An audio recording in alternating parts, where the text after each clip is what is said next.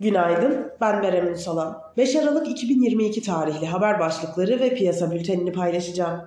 Türkiye'de enflasyonun Ekim ayında tepe seviyesine ulaştıktan sonra Kasım'da hız kestiği tahmin ediliyor.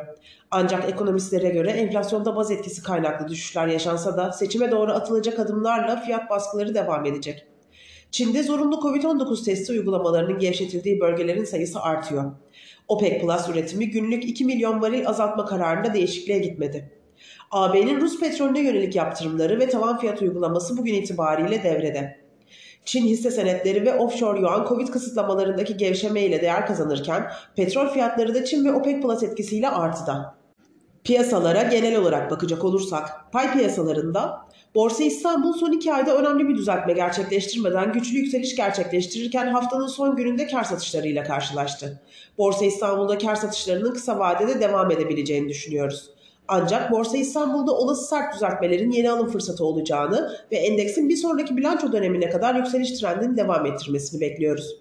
Enflasyonist ortamda Borsa İstanbul'un TL varlıklar içinde tek alternatif yatırım aracı haline gelmesi ve güçlü yurt içi yatırımcı talebinin devam etmesi nedeniyle yükseliş trendinin devam edeceğini düşünüyoruz.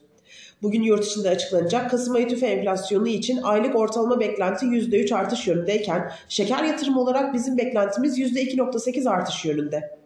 Borsa İstanbul'un cuma kapanışına göre ABD ve Almanya vadelileri yükselişle seyrediyor. Asya borsaları yeni haftaya alım ağırlıklı karışık bir görünümle başladı.